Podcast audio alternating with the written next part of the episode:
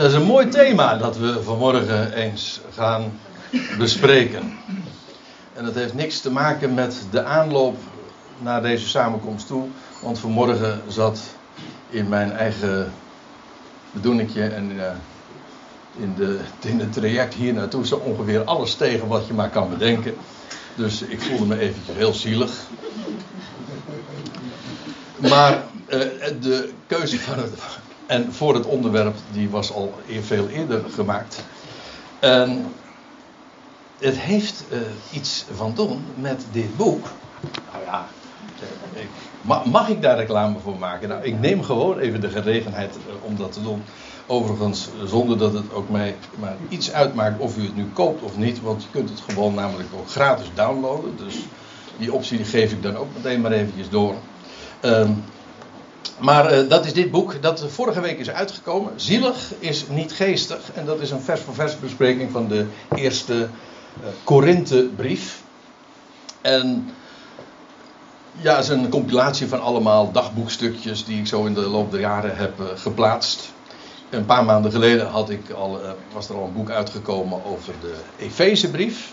En nu dan een dubbel zo dik boek. Want de, de Korinthebrief is nu eenmaal veel dikker dan de Efezebrief. Uh, van uh, dit exemplaar, maar liefst 450 pagina's. Maar waarom zeg ik dat? Uh, nou, want sommige mensen die hebben zich afgevraagd waarom ik dat boek over de Korinthebrief nu deze titel had gegeven. Is dat alleen maar om een beetje geestig te zijn of een woordspelingje te maken? Nou, nee, ik denk het niet. Het is veel meer dan dat. Want de begrippen zielig en geestig bijvoeglijke naamwoorden van ziel en geest. Dat zijn hele typerende begrippen in deze eerste Korinthebrief. Um, dat geldt trouwens ook voor het zelfstandig naamwoord ziel en geest. Dat wordt nogal eens een keer gebruikt. Al moet ik er dan meteen bij vermelden dat, dat, uh, dat de gangbare Bijbelvertalingen daarin niet erg uh, behulpzaam in zijn, want dan herken je het niet. Omdat, dat geldt trouwens voor zowel de Staten als de NBG-vertaling en de NBV-vertaling, weet ik niet, maar waarschijnlijk is dat nog broeder. Nou ja, dat klinkt natuurlijk helemaal negatief. Maar uh, u weet u ongeveer meteen hoe ik uh, ongeveer tegen moderne vertalingen aankijk.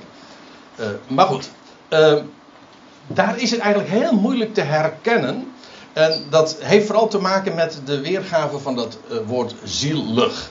Ik geef overigens direct toe dat uh, het woord zielig in het Nederlands natuurlijk een, ja, een betekenis heeft die niet direct gebaseerd is, ja wel, wel ontleend is aan, maar niet gebaseerd is op per se op het woord ziel. Uh, want ja, als je. Maar ik moet erbij zeggen, men had het keurig kunnen ondervangen door het door niet te vertalen met zielig, weliswaar, maar wel met ziels. En ik geef toe, ook dat is misschien niet zo'n heel bekend woord, maar dat, dat geeft een prima betekenis. In elk geval ben je dan heel dicht bij het woordgebruik van in dit geval de apostel Paulus. Men heeft dat woord zielig, ik kom daar straks op terug, uh, weergegeven met uh, natuurlijk. Nou, dat is natuurlijk niet goed. Hm? Uh, de, dat doet zowel de NBG-vertaling als de Statenvertaling. Want natuur is namelijk een heel ander woord. En natuurlijk ook. Ook daar, uh, die begrippen zijn uh, ook wel degelijk ontleend aan de schrift. Maar het is een heel ander woord. Dat ons woord, ons woord fysica komt eigenlijk van het Griekse woord voor natuur. En dan is daar ook nog de weergave in de MBG-vertaling met uh, die ziels of zielig dan weergeven met ongeestelijk. En dat is een uitleg, maar dat is, dat is niet wat, wat het woord wat Paulus gebruikt. Kortom, uh, ja, dat, dat, dat zielige is, uh, en dat zielse is in onze vertaling geheel verdwenen. Ik moet er ook bij zeggen dat geestig heeft is eigenlijk een, eh, ook een vreemd fenomeen hoe dat dan werkt in de taal. Want uh, geestig en geest, is dat nou helemaal hetzelfde? Ja, wij, uh, wij, meestal is het zo dat als je zegt van het bijvoeglijk naamwoord van geest, dan is het geestelijk. Maar ja, geestelijk heeft ook weer allerlei bijklanken. Een geestelijke, bijvoorbeeld in de kerk. ja, dat is eh, iemand die een. eh, nou, zeker als je het hebt over de, de Rooms-Katholieke Kerk bijvoorbeeld. Ja, dat is iemand die een, een ambt bekleedt en dat is een geestelijke. Maar dat heeft niets te maken met het Bijbelse begrip weer. Ik geef dus direct toe dat vertalen soms verrekte lastig kan zijn. Eh, maar ik, ik vind het dan toch ook wel weer grappig, ik moet eigenlijk zeggen geestig, dat hoe die uh, bijvoeglijke naamwoorden zielig en geestig, uh, eigenlijk toch via een omweg weer heel goed weergeven wat ziel en geest is. Want ziel is in, daar zit, in het zielig zit, daar zit de regie in. Hè? Ja, als je zegt het is zielig. Ik zei net van mijn, vanmorgen, mijn morgenochtend was wat zielig begonnen allemaal. Daar zit iets tragisch in. Ja, nou, dat is, uh, vrij, dat, is, dat, dat is vrij zwaar aangezet, dat geef ik direct toe. Maar uh, u begrijpt de hint. En dat geldt trouwens met geestig ook. Geestig, daar ga je van. Ja, wanneer gebruiken we dat woord? daar ga je van lachen. Nou, precies. Of dat is wat, wat, je, wat je doet lachen als iets geestig is. En dat is precies het verhaal. Want ziel heeft inderdaad te maken met dat wat vergankelijk is. En wat inderdaad niet zo leuk is. Maar het, de geest en dat wat met de geest verband houdt, ja, dat doet een mens lachen. Dus ja, daar zit toch uh, veel meer in, in dat soort uh, woorden dan dat je zo op het eerste gezicht zou denken. En wat ik eigenlijk ook wil vertellen vanmorgen, en dat ga ik ook aantonen. Dus uh, blijf bij de les zou ik zeggen. deze beide begrippen, zielig, geestig of ziels en geestig, beide begrippen beschrijven de ontwikkeling van de mensheid als geheel. Dat wil ik later beschrijven als ik in 1 Corinthië 15 uh, aankom. En trouwens ook die van de mens, meer specifiek de gelovige mens, individueel. Ja, dat was trouwens ook nog een beetje een kwestie uh, over, uh, over de woordspeling en dergelijke gesproken. Dit boek zou eigenlijk in, in aanvang ge, geheten hebben van zielig naar geestig. Maar als je dan de spatie tussen beide laatste woorden weglaat, dan krijg je iets heel anders. Van zielig naar geestig. Oh ja. Oh ja. En dat wilde ik ook niet. Dat vond ik weer niet geestig genoeg. Hè. Na, naar geestig is namelijk precies tegenovergesteld. Zie je hoe lastig taal soms kan zijn? Dus eh, vandaar ook dat ik nu de, uh, dit, deze, de titel van deze spreekbeurt is dan uh, van zielig tot geestig. Dan heb ik dat probleem weer omzeild, zeg maar. Nou, zo werkt dat dan. Mocht u denken dat ik zomaar een beetje wat uh, voor de vuist weg klets en dat ik daar niet over nagedacht heb, heb ik dat nu bij deze weer recht. Ja. Maar dit is echt heel mooi. Ik vind trouwens dit een heel mooi uh, embleem daarvan. Er zijn heel wat meer dingen in de natuur uh, die daarvoor als illustratie kunnen dienen. Maar ik zal u dit gaan vertellen. deze rups is inderdaad het zielse. Wat aan de aarde vastzit. En die vlinder, ja, die heeft een weg doorgemaakt van ziel naar geest. Ja, en inderdaad, die de, de hemel zomaar binnengaat met vele kleuren en niet meer uh, vreet, maar alleen maar drinkt. Namelijk honing. Ja, nou staat mijn broer Dirk weer op het punt om uh, te interrumperen, want die is tegenwoordig imker en daar gaat hij in de, in de toekomst waarschijnlijk nog veel meer over vertellen. Maar uh, hij moet nu even zijn mond houden. Ja. uh, in ieder geval, die weg uh, van ziel naar geest. Ja, dat is. Maar dat is. En dat wil ik u laten zien. dat is precies zoals God dat heeft ontworpen. En wat hij ook illustreert in de natuur. Die rups is geen foutje. Zo van, nou, die, die had over kunnen slaan. Nee, het moest zo gaan. Waarom niet meteen die vlinder? Ja, omdat God daar een bedoeling mee heeft. Zoals God met alles een bedoeling heeft. En het feit dat dit tijdelijk is, zoals dit zielse bestaan ook tijdelijk is, ja, wil niet zeggen dat het zinloos is. Gelukkig niet. En alleen dat feit al uh, vind ik al het geestige van het zielse. Begrijpt u wat ik bedoel? Al het feit dat dit zielse bestaan en ook in vele opzichten zielige bestaan een betekenis heeft, een doel heeft, dat doet mij lachen. Of in ieder geval glimlachen. Hé, hey, geweldig. Het is allemaal in goede handen. Er is, er is een God die, daar een, een, een bedoeling mee heeft en zijn plan uitwerkt. Maar goed, ik zei al, uh, die van, ziel, van ziels tot geestig, uh, of van zielig tot geestig, dat heeft, uh, daar zit heel veel aan vast. Ook op individueel niveau. Ik wil het daarbij ook heel duidelijk uitdrukkelijk vaststellen dat Gods woord heel uitdrukkelijk een verschil maakt tussen ziel en geest. Dat zeg ik er even bij, omdat wij, dat is ook weer zo'n taalding, maar die dingen consequent in onze taal verwarren. We doen het te consequent, dus dat, is, dat, dat pleit er dan weer voor. Maar we verwarren het echt altijd. Ik, vind het altijd, eh, ja, ook dat is wel weer geestig. Iemand heeft uh, bijvoorbeeld psychische problemen, maar psyche is ziels. Dat zijn, hij heeft problemen met de ziel. En wat doet hij dan? Of, nou, dan gaat hij bijvoorbeeld dan, gaat, dan zoekt hij geestelijke hulp. Of omgekeerd, je hebt geestelijke problemen en je gaat naar een zielzorger.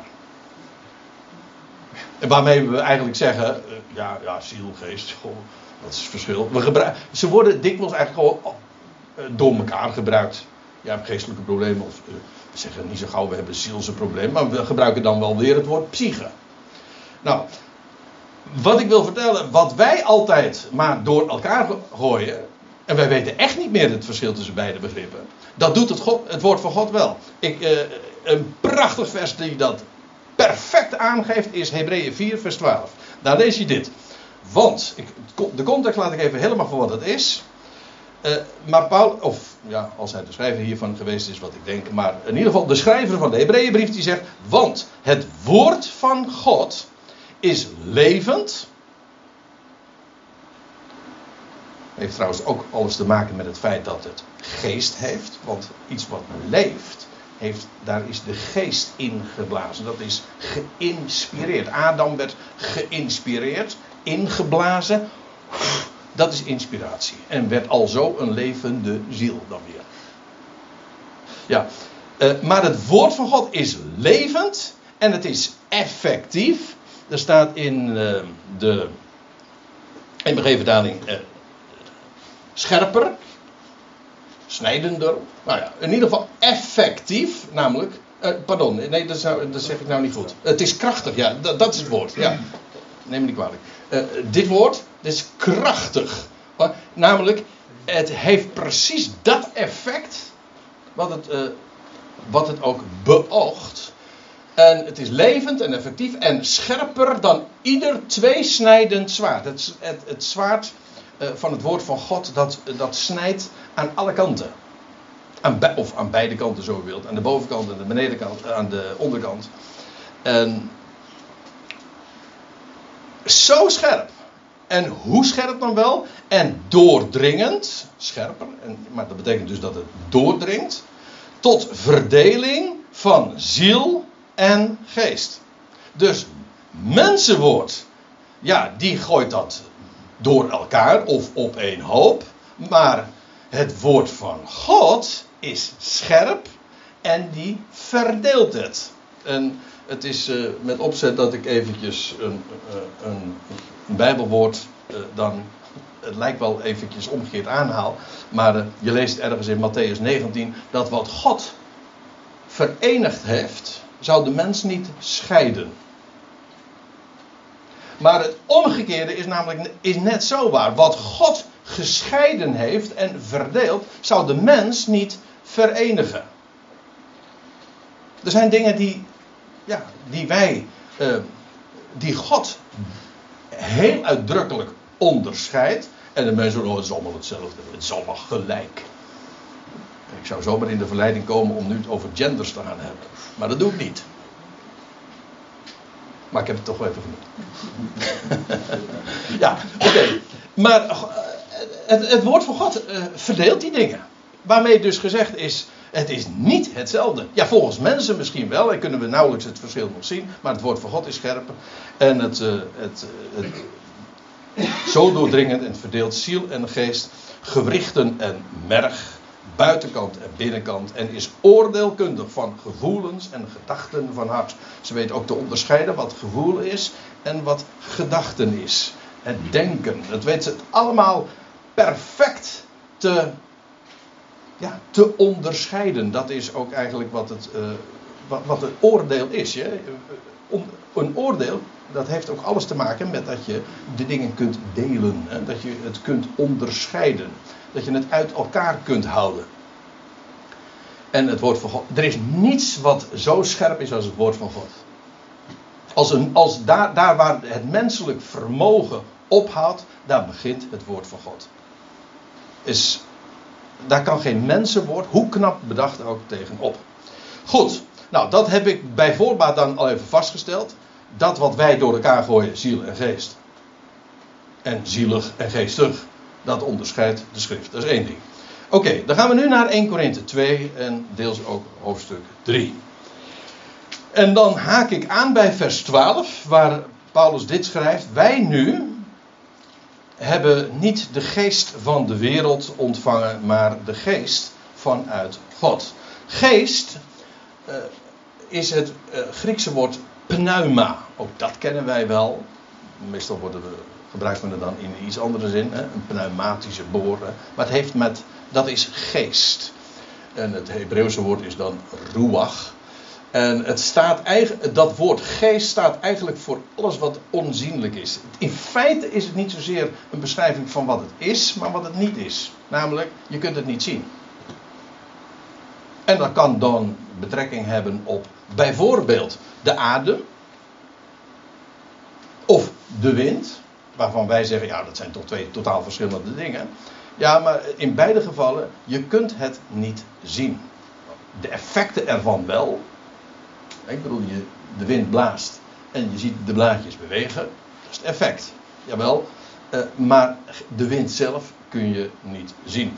En dat is wat pneuma is. Dat is uh, en dat kan dus ook betrekking hebben op de geest van de mens.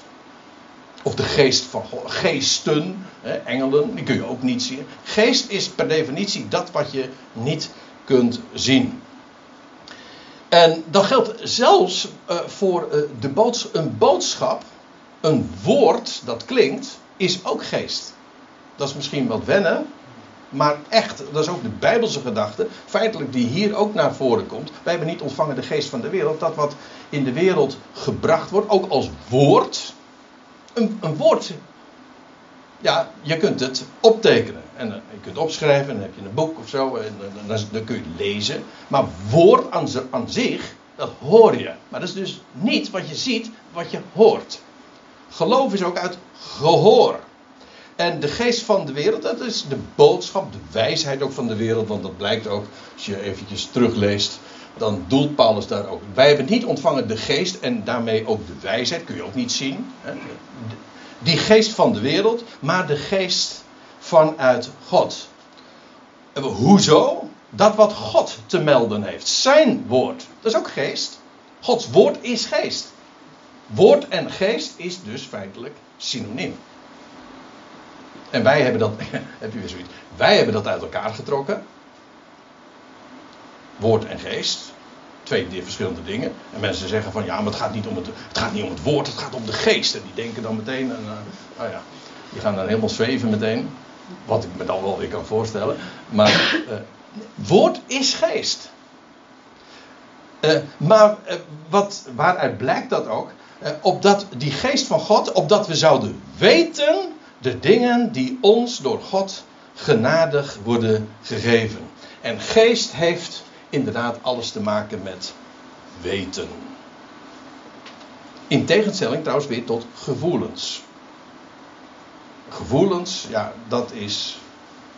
Dat gaat op en neer, dat gaat heen en weer, dat, daar kun je nooit van op aan. Dat is, per definitie bewegelijk. Ik, zeg, ik, wijs heel vaak op het woord emotie, maar er zit het woordje motion in en dat betekent dat het bewegelijk is. Dus heel daarmee zeg ik niks negatief over gevoel. Ik zeg alleen, het is bewegelijk.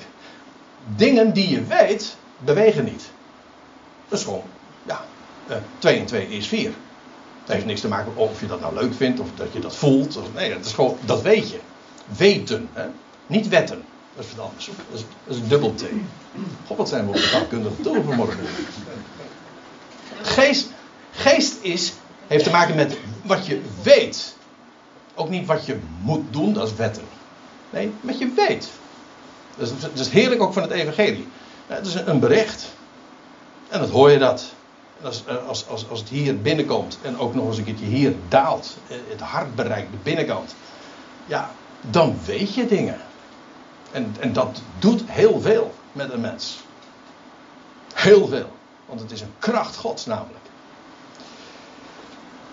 En juist dat is ook wel mooi. Want juist omdat we die geest van God zorgt dat wij dingen weten.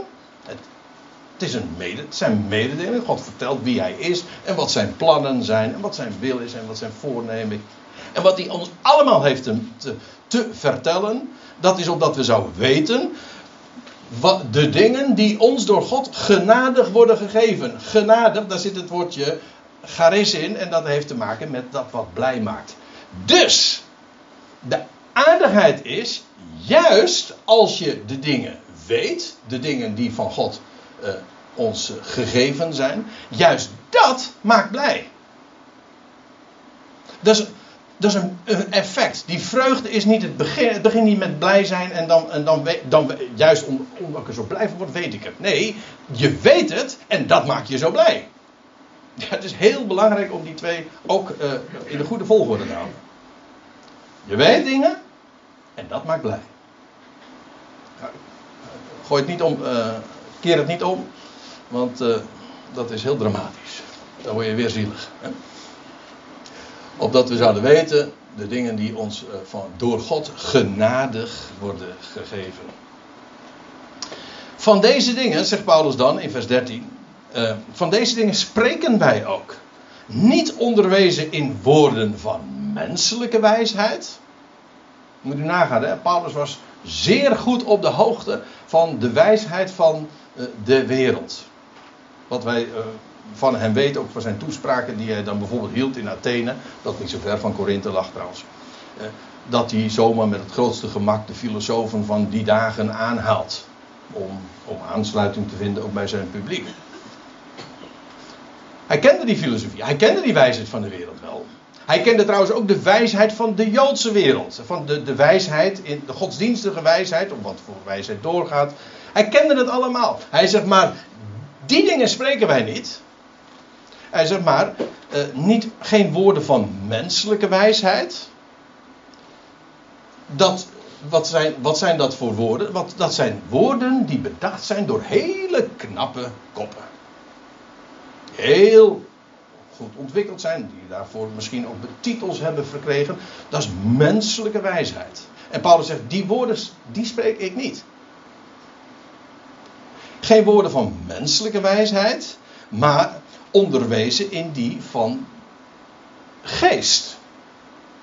Namelijk van God gegeven. En dat wat Paulus vertelde, had hij niet uit de boeken vernomen en in zijn opleiding van Gamaliel, hoezeer het hem misschien ook uh, wel uh, van pas is gekomen enzovoorts in, uh, in, in, zijn, in zijn evangelieprediking, dat we allemaal waar wezen. Maar dat wat hij te melden had, heeft hij direct van de Heer zelf ontvangen. Hij zegt, hij zegt in de gelaten brief ook, ik heb het niet van de mens. Hij zegt, de, het is de Heer zelf die mij heeft geleerd, heeft onderwezen. En hij is naar Arabië, toen hij geroepen werd, is hij meteen naar Arabië gegaan. Diezelfde plek waar ooit Mozes ook eh, de wet heeft ontvangen. En daar heeft de Heer hem onderwezen. En ook woord, een woordenschat gegeven van God zelf. Daarom is het ook zo belangrijk om de woordenschat van de schrift te kennen. Daarom vind ik, dat is, geen hobby of een, een of andere uh, dingetje. Uh, ja, hoe zeg je dat nou? Wat je. Nou ja, een, zeg maar een persoonlijke afwijking of zo. Dat je zegt van. Ja, hij vindt dat leuk om over, over, over dat soort woordjes te praten. Weet u, eh, de, woorden van de, de woordenschat van de schrift is daarom zo belangrijk. Daarom moet je die weer, dingen die de schrift onderscheidt van ziel en geest, die kunnen wij zeggen, ah, wat maakt dat nou toch uit, zegt ze. Doe niet zo moeilijk. Nee, het gaat erom dat je woorden van menselijke wijsheid terzijde schuift en je weer richt op de woorden die onderwezen zijn in die van de geest. Die God zelf heeft uitgekozen. En daarom terug te gaan naar de schrift. En zo dicht mogelijk bij de woordenschat van de schrift te komen. Het is al lastig genoeg dat wij geen Grieks in dit geval, maar Nederlands moeten spreken. Dus je moet altijd die, die, die vertaalslag maken. Maar om dan altijd weer terug te gaan naar de bron. En dat is soms lastig. Ik bedoel, uh, ja, om u weet het, hè, als je naar de bron wil gaan, dan moet je tegen de stroom inzwemmen. Toch? Ja, nou, dat is ook zo. Eh, maar het is, het, is, het, het is zo iets, een, een, een bezigheid, een energie die zo rijk beloond wordt om bij de bron te komen en bij die zuiverheid. Van, Paulus spreekt dan over onderwezen in die dingen van de geest. Geestelijke woorden die doen passen bij geestelijke dingen. En dat klinkt misschien wat ingewikkeld, maar het idee is deze. God heeft een, Gods geest heeft, uh, dat is de boodschap van hem, ja, maar die is ook gegoten in die woorden die de geest heeft gekozen. Dus niet alleen de boodschap aan zich uh, is van Gods wegen en geestelijk en van hem. Nee, maar ook de woorden die daarvoor gebruikt zijn, de vocabulaire zoals wij dat netjes noemen, de woordenschat die gekozen is, is ook daar geheel bij passen. Het is dus niet zo dat je willekeurige woorden maar kan gebruiken. Nee, geestelijke woorden die passen bij geestelijke dingen. En dat is wat eh, Paulus elders noemt in 2 Timotheus 1, gezonde woorden. En ja, waar ik zojuist al even op wees, alle schrift is van God geïnspireerd. Die woorden zijn niet alleen de inhoud, maar ook de vorm en de woorden zelf zijn geestelijk. En daarom is het ook zo ontzettend belangrijk om zo dicht mogelijk bij het taalgebruik en het spraakgebruik en het woordgebruik van de schrift te blijven. Ik ben er echt vast van overtuigd dat, uh, dat op het moment dat je uh, dat, dat pad uh, daarvan afwijkt, ja, dan kom je dus inderdaad bij woorden van menselijke wijsheid uit en de theologie is ervan vergeven.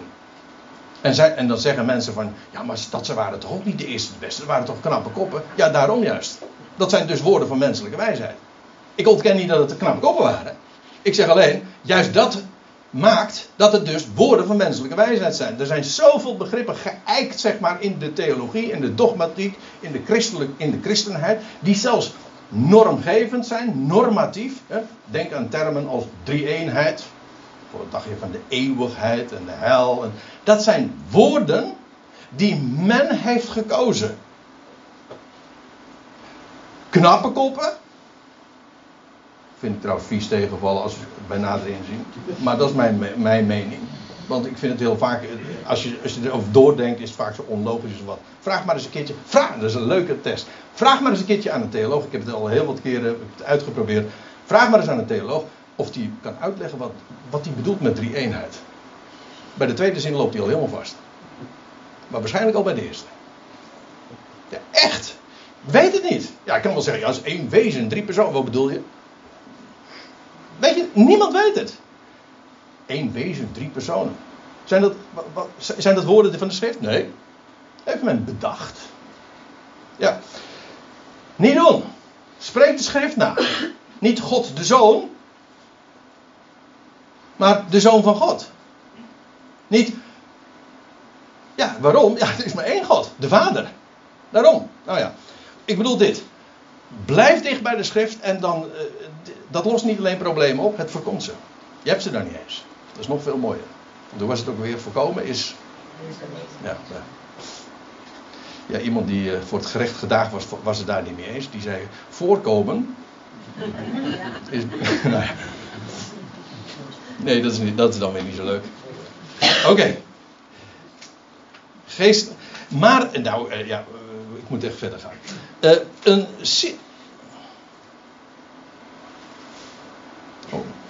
Wacht even. Oh, ik ben vergeten. In te tikken wanneer ik begonnen ben. Sorry. Maakt ons niets uit, Hè? Maakt maakt ons niks uit. Oké. Nee, ik dacht, ik dacht, god, ben ik nou 53 minuten aan de gang? Is het, dat gaat, gaat niet goed. Maar het, het valt mee. Oké. En, uh, ja, vers 14. Maar, zegt Paulus dan, nadat hij over die, die pneumatische dingen heeft gesproken, pneumatische woorden, een pneumatische boodschap, de dingen die van de, uh, van de geest van God zijn. Maar, zegt hij, een zielsmens, je ziet hier een, een in de MBG-vertaling zegt een ongeestelijk mens, maar hier staat gewoon een, uh, een, een psychikos. Dat is gewoon een zielsmens. En ik meen dat de Statenvertaling zegt een natuurlijk mens. Nee, er is allemaal wat voor te zeggen, maar het is niet het woord wat er gebruikt wordt. Daar gaat het maar om. Een zielsmens, en dat is, ja, wat is dat voor een mens? Dat is een mens die beheerst wordt door ziel. En dan moet je ook eh, weten dat ziel en ziels, dat wat met ziel verband houdt dus, dat is wat de mens gemeen heeft met het gedierte.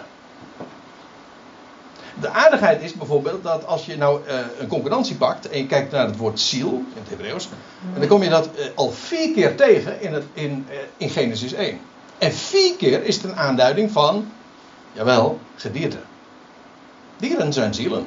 Ook dat is weer wegvertaald, levende wezens, maar er staat echt levende zielen. En pas de vijfde keer heeft het betrekking op de mens. Maar het zielse, dat is wat de mens gemeen heeft met het gedierte. Niet met de plant. Een plant is geen ziel, maar een dier wel. En dat heeft alles te maken met uh, ja, het vermogen om dingen te beleven. Om sensaties te hebben. Om emoties te hebben. Dat heeft een dier ook. Trouwens, het, de ziel is in het bloed.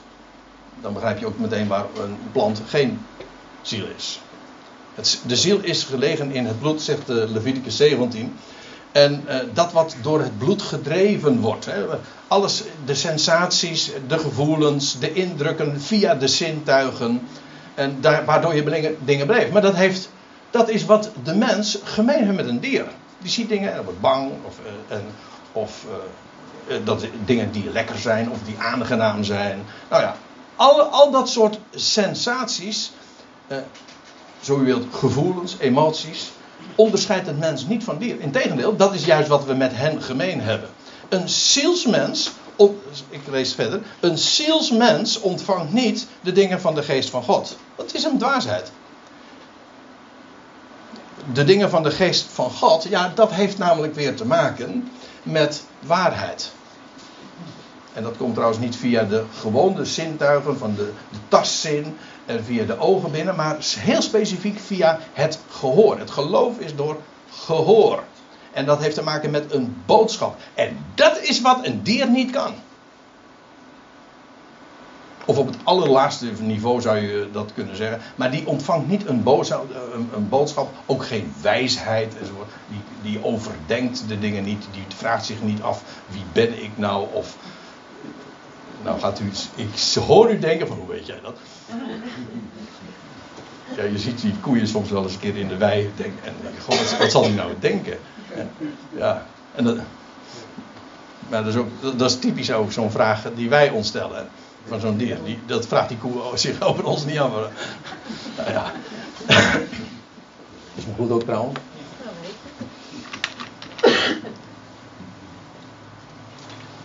Hooguit, de, hooguit denkt hij van, god, dat is volgens mij een ezel. Ja. Maar waarheid, ja, en wie ben ik, waar, kom ik vandaan en waar ga ik naartoe? Weet je, en wie is God? En wat is de zin van. Dat is, ik bedoel, het is gewoon ridicule om dat te zeggen. Dat, is, dat, zijn, dat zijn de dingen ja, waar het gedierte. Uh, met alle sensaties die een dier kan beleven, prachtig. Maar geest, nee, dat heeft een dier. Een zielsmens ontvangt niet de dingen van de geest van God, want het is hem dwaasheid. Hij kan dat niet.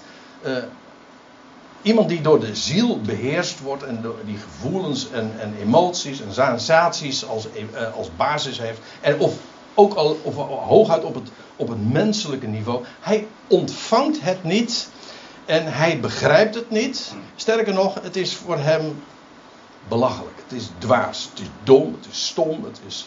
Nou ja, welk etiketje daarop kan plakken. Hij kan het niet kennen, omdat het op een geestelijke, pneumaticos, wijze kritisch wordt beoordeeld. Hij kan, uh, het niet kennen? Ja, want een zielsmens heeft daar gewoon geen antenne voor. Voor de dingen van God. Dat, die moet je krijgen. Zodat je het gaat verstaan. Hij kan het niet kennen. Het wordt namelijk op een geestelijke wijze kritisch beoordeeld. Hier is dat. Uh, komt, ja, of dat kritisch beoordeeld komen we nog straks even terug. Maar eerst even dit nog. Vers 15. De geestelijke mens. Eigenlijk staat er gewoon de pneumaticos. Hou me vast. De pneumaticos. Niet de psychikos, degene die door de psyche, door de ziel beheerst wordt, maar de pneumaticos, die, waar pneuma leidend voor is. De geestelijke mens echter beoordeelt kritisch alle dingen. Ja, want, en dat is interessant.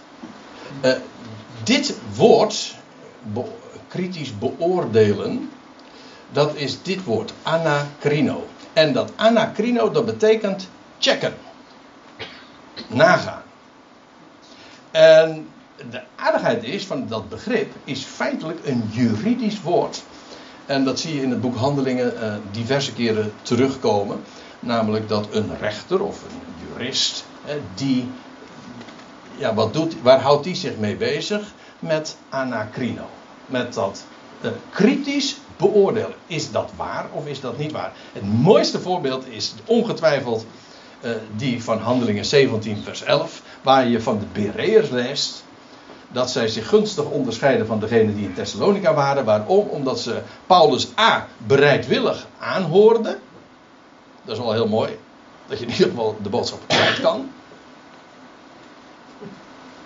Ja, dat kan, kan ook anders. Dat ze meteen op voorhand, dat lees je van, van Paulus op, bij Athene, dat hij. Hij, had nog maar net, eh, was nog maar net van wal gestoken en zei van nou, we horen u nog wel een keer. Heel vriendelijke manier van uh, val ons niet lastig. Don't call us, we call you. Nee, de Bereërs die gingen, ze behoorden alles bereidwillig aan en, staat er, en ze gingen dagelijks in de schriften na dat is dit woord, anacrino. Ze gingen dagelijks in de schriften na of het zo was. Zij waren namelijk geïnteresseerd in waarheid. En dat is het meest kenmerkende van, van de pneumaticos. Van de geestelijke mens. En dat zou je niet zeggen. Als je, meest, meestal denken wij bij, bij geestelijk. Ja, ik, ik, eerder in deze toespraak zei ik al van, ja, hebben we een zweverig idee van. Andere mensen denken daar juist weer hoog liturgisch over, weet je wel. Dan denken ze aan een, een of andere geestelijke of aan, aan iemand die met wierook staat te slingeren of zo met een mooi gewaad. En die daar, daar in die kerk een mooie koormuziek en zo. Dat is dan een geestelijke. Nee. Allebei het, in, kijk, die geestelijke, heel veel mensen vinden dat prachtig en ik, ik kan me dat heel goed voorstellen. Weet je, dan ben je in een kathedraal en dan, en, en, die ruimte en, en, en, je, je, ruikt die wierook. Nou ja, daar denken dan sommige mensen anders over. En, en, en, je ziet die gewaarden en die mensen en, die orgelmuziek. Weet je, dat streelt de zintuigen. En dat raakt je. En we denken, oh, en dat denken, dat is geestelijk. En zonder daar op zich iets negatiefs over te zeggen, over mooie muziek of over mooie kleding of over lekkere geuren, dat is allemaal prima. Maar geest met pneumaticos heeft het echt geen bal te maken. Net zo goed als dat het ook, eh, als je denkt dat je helemaal in de zevende hemel bent. De vorige keer heb ik u uitgelegd dat er geen zeven hemelen zijn, maar dat er slechts drie zijn. Maar goed, eh, als je helemaal in de zevende hemel bent en je, en, je staat te zweven en met de handen in de lucht en je gaat allerlei brabbeltaals weer, dus dat is geestelijk. Dat heeft niks met geestelijk te maken. Sterker nog, ik durf te zeggen, het is heel ziels. Dat zo, niet die gevoelens op zich zijn verkeerd, maar het is wel wat het is. Dat, dat is gewoon de ziel. Wat echt pneumaticos is, dat is de geestelijke mens beoordeelt alle dingen. Of zo, als u zegt van, uh, uh, wat is de MBG daar? Die beoordeelt alle dingen. Die checkt alle dingen. Die gaat, of in de taal van Handelingen 17, gaat alles na. Klopt dat? Weet u waarom? De pneumaticos die is geïnteresseerd in waarheid. Daarom ga je de dingen na. Toch? Waarom, waarom zou je anders nagaan? Waarom zou een jurist iets, iets, iets, iets checken? Nou, gewoon omdat je wil weten hoe het zit. De waarheid weten. Dat is de pneumaticos. Niet om droog allerlei data te verzamelen, maar omdat je passie hebt voor waarheid. Hoe zit de vork aan de stel? Wat klopt? Wat zijn feiten? Waar kan ik op staan? Waar kan ik me dus in verblijden? Dat is de volgende vraag dan. En wat geeft werkelijk vrede? Dat is, dat is, maar dat, zijn, dat is een gevolg. Het gaat om waarheid. En dat is die pneumaticos, de geestelijke mens. Hij beoordeelt de dingen kritisch. Iets kan wel heel mooi zijn, of leuk klinken, of indrukwekkend, of iedereen zegt: Wauw, wat, wat, wat, een, spreker is die man of zo. Ja, eh, maar er is maar één vraag. Ik hoop ook dat. Is, dat is het grootste compliment volgens mij wat je een, aan een evangelist kan geven, of iemand die het woord doorgeeft in het algemeen.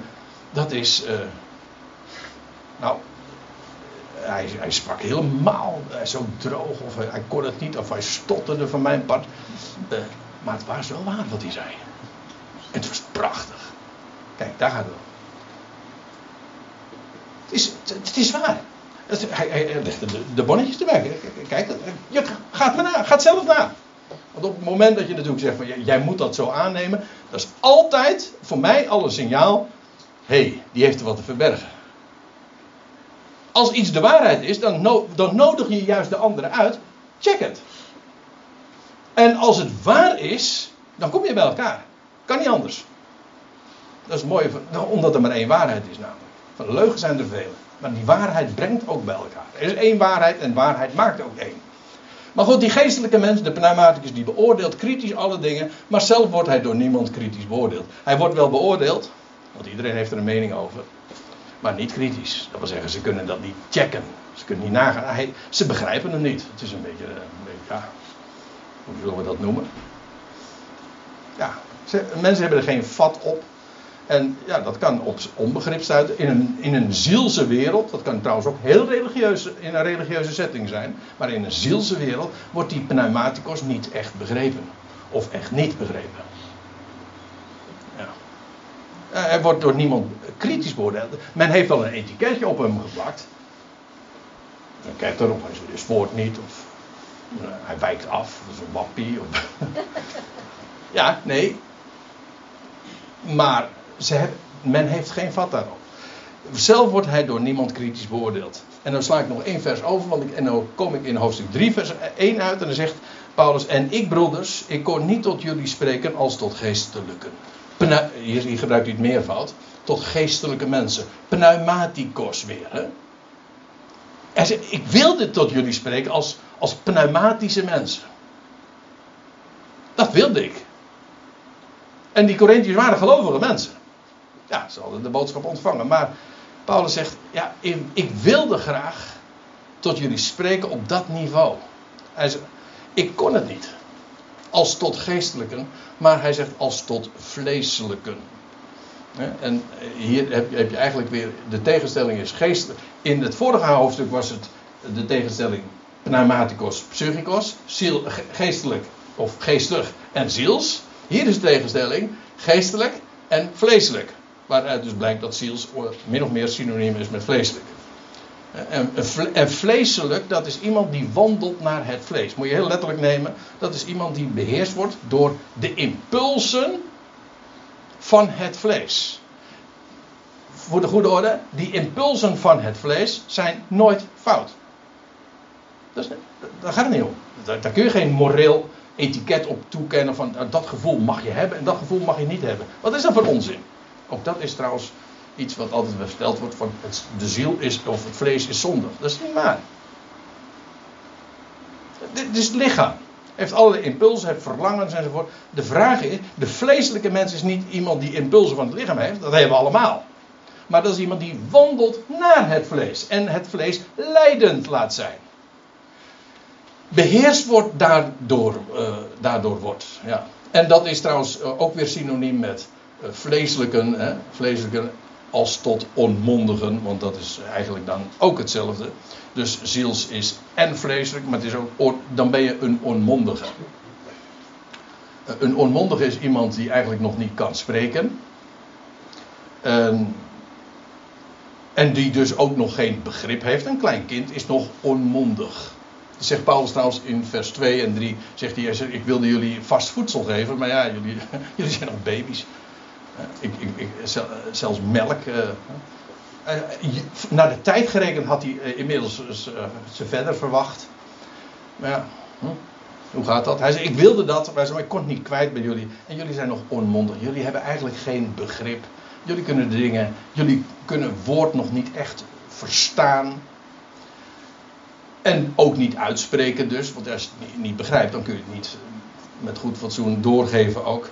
En een onmondige is iemand die ook nog niet zelf kan staan. Hè? Die moet gedragen worden, die moet verschoond worden. Dat is ook wel iets. Ja, die onmondigen, dat zijn baby's. Die, wat die doen, uh, heb ik altijd verteld. Uh, wat doet een baby? Dat is een heel onaardige samenvatting, maar huilen en bevuilen. Ja, dus u zegt, jij bent geen moeder, dat is wel duidelijk, want die, zou dat anders straks zeggen. Maar een vader die zegt dan gewoon, ja, wat doet een, een baby? Nou, huilen en bevuilen. Die jankt. Dat is ook weer zielig trouwens. Hè? Nou, ja, zoiets, hè? Nee, dat doe ik niet nog een keer. Maar, uh, uh, ja, uh, huilen. en ook huilen en inderdaad bevuilen. En, en je hebt eigenlijk verzorging Een ander, je staat ook niet zelf. Je leunt eigenlijk tegen een ander aan. Je hebt leiding nodig. Kijk, de, en, kijk we zijn allemaal zo begonnen. Als onmondigen. Je begint als baby. Ja, maar de bedoeling is dat je zelfstandig wordt. Dat is in feite wat opvoeding is. Dat je zelf gaat staan. Letterlijk, hè. Zelf kan staan. En dat je op een gegeven moment zelfstandig bent. En dat je niet meer die ander nodig hebt. En dat geldt trouwens ook voor de waarheid. Dat je dat je niet meer aanleunt op een ander, die zegt dat, dus het zal wel zo zijn. Nee, dat je zelf ook het vermogen ontwikkelt van, ja, dat is het. Daar kan ik op staan. En het grote voordeel is dat als dan de hele meute die kant op gaat, links, dus niet de rechte weg, the right way, in het Engels kan het beter. Ja, dan, dan, dan weet je dat te onderscheiden. Nee, dan moet ik zo. Niet die, heb je die bevestiging van een ander niet nodig. Dat kan aardig zijn en mooi zijn. Nee, maar je weet hoe het zit. Kijk, dat is, dat is het geweldige van die pneumaticus. En Paulus zegt, ja, jullie zijn nog uh, vleeselijken, onmondigen, oftewel psychikos. Ja, zielse mensen.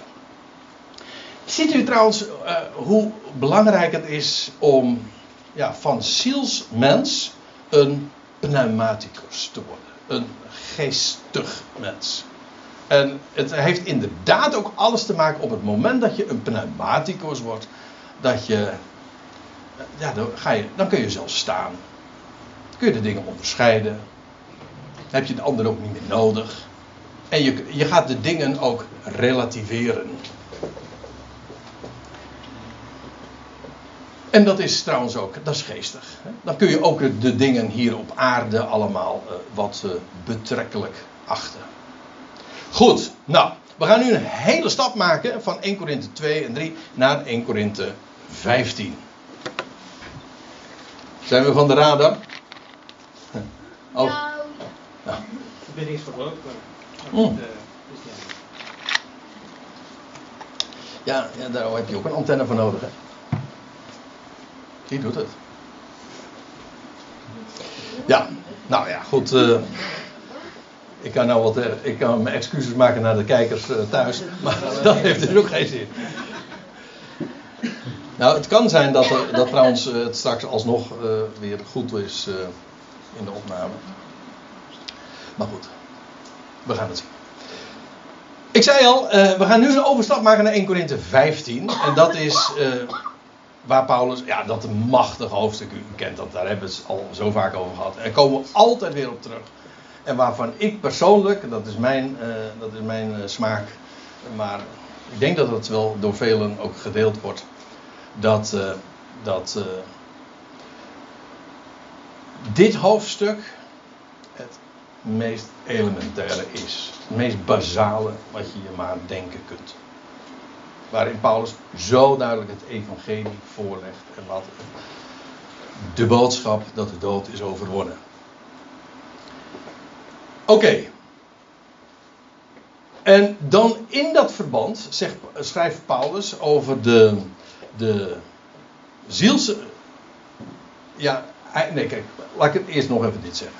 Hij, hij beschrijft over Jezus Christus, die als eersteling de dood heeft overwonnen. 2000 jaar geleden is het graf uh, leeg achtergelaten, eens voor altijd, definitief. En sindsdien is hij de eersteling. Maar hij is ook de garantie dat heel de mensheid gaat volgen. En dan beschrijft Paulus dat als feit. Een geschiedkundig feit, een bericht, een mededeling. En dat niet alleen, uh, maar ook de geweldige consequenties daarvan. En dan beschrijft hij ook hoe uh, dit lichaam vergankelijk is, zwak is. De direct voorafgaande versen wordt dat zo gezegd. Hè? Er wordt een ziels, nee, er wordt een vergankelijk lichaam gezaaid. Ik heb aankomende woensdag uh, mag ik een uitvaart uh, leiden. Een vrouw van de gezegende leeftijd van 94 mocht bereiken. En ja, dan, dan sta je daar bij dat graf. En ik lees die woorden dan altijd ook voor als ik zo'n samenkomst mag, mag leiden of een begrafenis. Maar die woorden uit 1 Korinthe 15, er wordt een, er wordt een, een, uh, een lichaam in zwakheid gezaaid. Of in vergankelijkheid. aan de aarde toevertrouwd. Maar het is in feite een heel hoopvolle daad die je doet. Je vertrouwt het aan de aarde toe, zoals een boer zaait. Wat, wat er gaat gebeuren, geen mens die, die zijn vinger daarachter achter krijgt van hoe het zit. Ja, dat is een godswonder. Maar het leven komt daaruit voort. Sterft af. En er worden diverse kenmerken van dit lichaam gegeven. Dit lichaam is zwak. Het is uh, ook, uh, hoe staat het er? Wordt een, verderfelijk, ja. En zwak, vergankelijk. Wat is het andere woord dan? Er wordt gezaaid in heer, opgewekt in heerlijkheid en. Oneer, ja, dat is het woord, ja. Ja, het, het wordt van on, er wordt in dit lichaam is een lichaam van oneer, van ontluistering ook.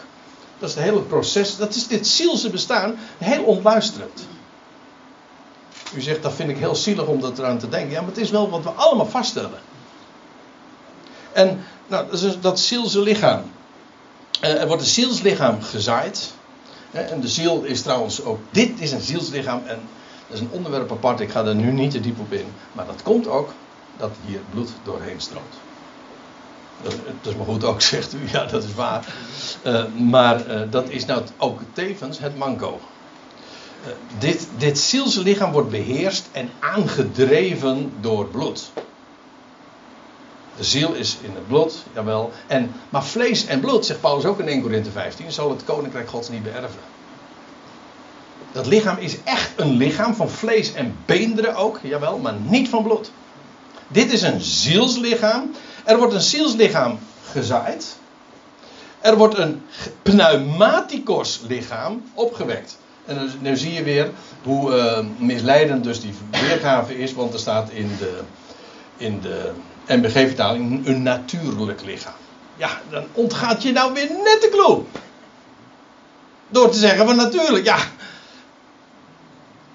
Dat is nou juist niet wat je moet weten. Het gaat erom dat het een zielslichaam is. En zo wordt dat wordt gezegd. En een pneumaticos lichaam opgewekt. Dit, en ja, ik kan er eigenlijk niks over vertellen. Maar ik, ik vind dit echt mindblowing. Als ik er daaraan denk. Dit, een, dat lichaam van heerlijkheid. Dat lichaam van de levendmaking. Het lichaam van de opstanding. Is pneumaticos. Niet door, lucht, eh, pardon, door bloed aangedreven. Maar ja, door lucht. Door pneuma. En als u vraagt van leg dat eens uit. Ja, dat kan ik niet. Dat kan ik niet. Stroomt er pneuma door de aderen? Ik, ik, weet het niet. Ik, ik, weet alleen, dit is een pneuma, pardon, een zielslichaam, een psychikos lichaam. Dat lichaam is pneumatisch. En de geest denkt ergens, die wil ergens zijn en die is er. Ja, dat is nog eens wat, hè? En dan, en, dan, en dan blijken dichte deuren en ramen niet eens een verhindering te zijn. De eersteling heeft het bewezen. Zulke kenmerken heeft dat lichaam. Op, op het moment dat je zulke dingen gaat denken, dan ga je ineens heel anders aankijken tegen de mankementen van dit lichaam. Dat kan heel reëel zijn, heel pijnlijk. Maar dan denk je van, oh nou ja goed jongens, dat, daar komen we ook wel weer vanaf. Hè? Want dit is namelijk tijdelijk en dat is blijvend. Dat is ook weer zo'n, dat is onvergankelijk. Dat is toch geweldig man. Hè? Ja, over geest, dit, alleen al hier aan te denken, dat maakt mij al pneumatisch. Dat vind ik zo geestig. En dat leert je inderdaad ook de dingen op, ja, op waarde te schatten en te relativeren. Betrekkelijk. Dit, dit zielse bestaan is heel betrekkelijk. Het is, Paulus zegt ook, het is, het is slechts ah, kort. En het weegt niet op, je. Het is het, is, het, is vergelijk van een, een wolpluisje en, en, een olifant, bij wijze van spreken. En zelfs dat is een eufemisme. Echt. Zo groot. Er wordt een pneumatisch lichaam opgewekt. Indien er een zielslichaam is, dan is er ook een geestelijk lichaam. Zo is er ook geschreven, de eerste mens. Adam werd een levende ziel. Genesis 2, vers 7. En trouwens, die levende ziel werd toen hij vervolgens de, de toegang tot het boomte van het leven werd ontzegd, werd het een stervende ziel. En aan het eind van het proces is het een dode ziel. Ja, dat, dat staat allemaal in de Bijbel. En weet u wat de theologie over de ongezonde woorden gesproken zegt? Trouwens, dat komt uit de Griekse filosofie dan weer. Die zegt, die spreekt over een onsterfelijke ziel. De mens heeft een onsterfelijke ziel. Nou, de mens is. Uh, de mens heeft een onsterfelijke ziel. Nee, onzin. De mens is een sterfelijke ziel. En als hij de laatste adem uitblaast, is het een dode ziel. Is een dood, dan is dat een dode ziel. Ja, dat is de Bijbelse taal. Dat is Bijbelse taalgebruik. En die eerste mens, Adam, Adam betekent gewoon mens. Hij staat gewoon. Hij, staat, hij representeert de hele mensheid. Alles wat uit hem voortkomt, wij zijn zielen. Zielige mensen, ja. De eerste mens, Adam met een levende ziel. De laatste Adam, niet de tweede trouwens, hè. Want dat zou kunnen suggereren dat er nog een derde gaat komen, ook, weet je wel. Nee, hij is de laatste. Hij is de definitieve versie. De laatste Adam, die net zo goed de mensheid representeert. Daarom heet hij ook Adam. Hij representeert de hele mensheid. Zoals in Adam allen sterven. Dat is, dat is trouwens hoofdstuk 2 vers. Dat is hetzelfde hoofdstuk, maar dan vers 22. Zoals in Adam allen sterven. Zo zullen in Christus allen, dezelfde allen, worden levend gemaakt. Niet allemaal tegelijk, iedereen zijn eigen rang worden. Christus de eersteling in het verleden en nou ja, de rest gaat volgen. Ingefaseerd, maar absoluut. Dat is het traject. Heel de mensheid wordt pneumaticos. De aarde, de laatste Adam, werd een levenmakende geest. Niet alleen een levende geest, maar ook nog eens levendmakend. Door, ja, dat is de potentie van dat, dat opstandingsleven. Die kracht. Ik ben de opstanding en het leven, zei hij. En hij sprak en, uh, daar bij het graf van Lazarus en hij zei: Lazarus, kom uit. En ik, het mooiste, eh, de, het mooiste antwoord op de vraag waarom hij Lazarus zei was: anders had de hele, de hele begraafplaats opgestaan. Ja, alleen Lazarus moest uit. En of Lazarus er blij mee was, weet ik niet. Ja, ik denk het wel. En naar Lazarus' ervaringen is ook niet gevraagd, want die had hij niet. Hij was gewoon dood. Hij, hij sliep. Ja. Nou ja.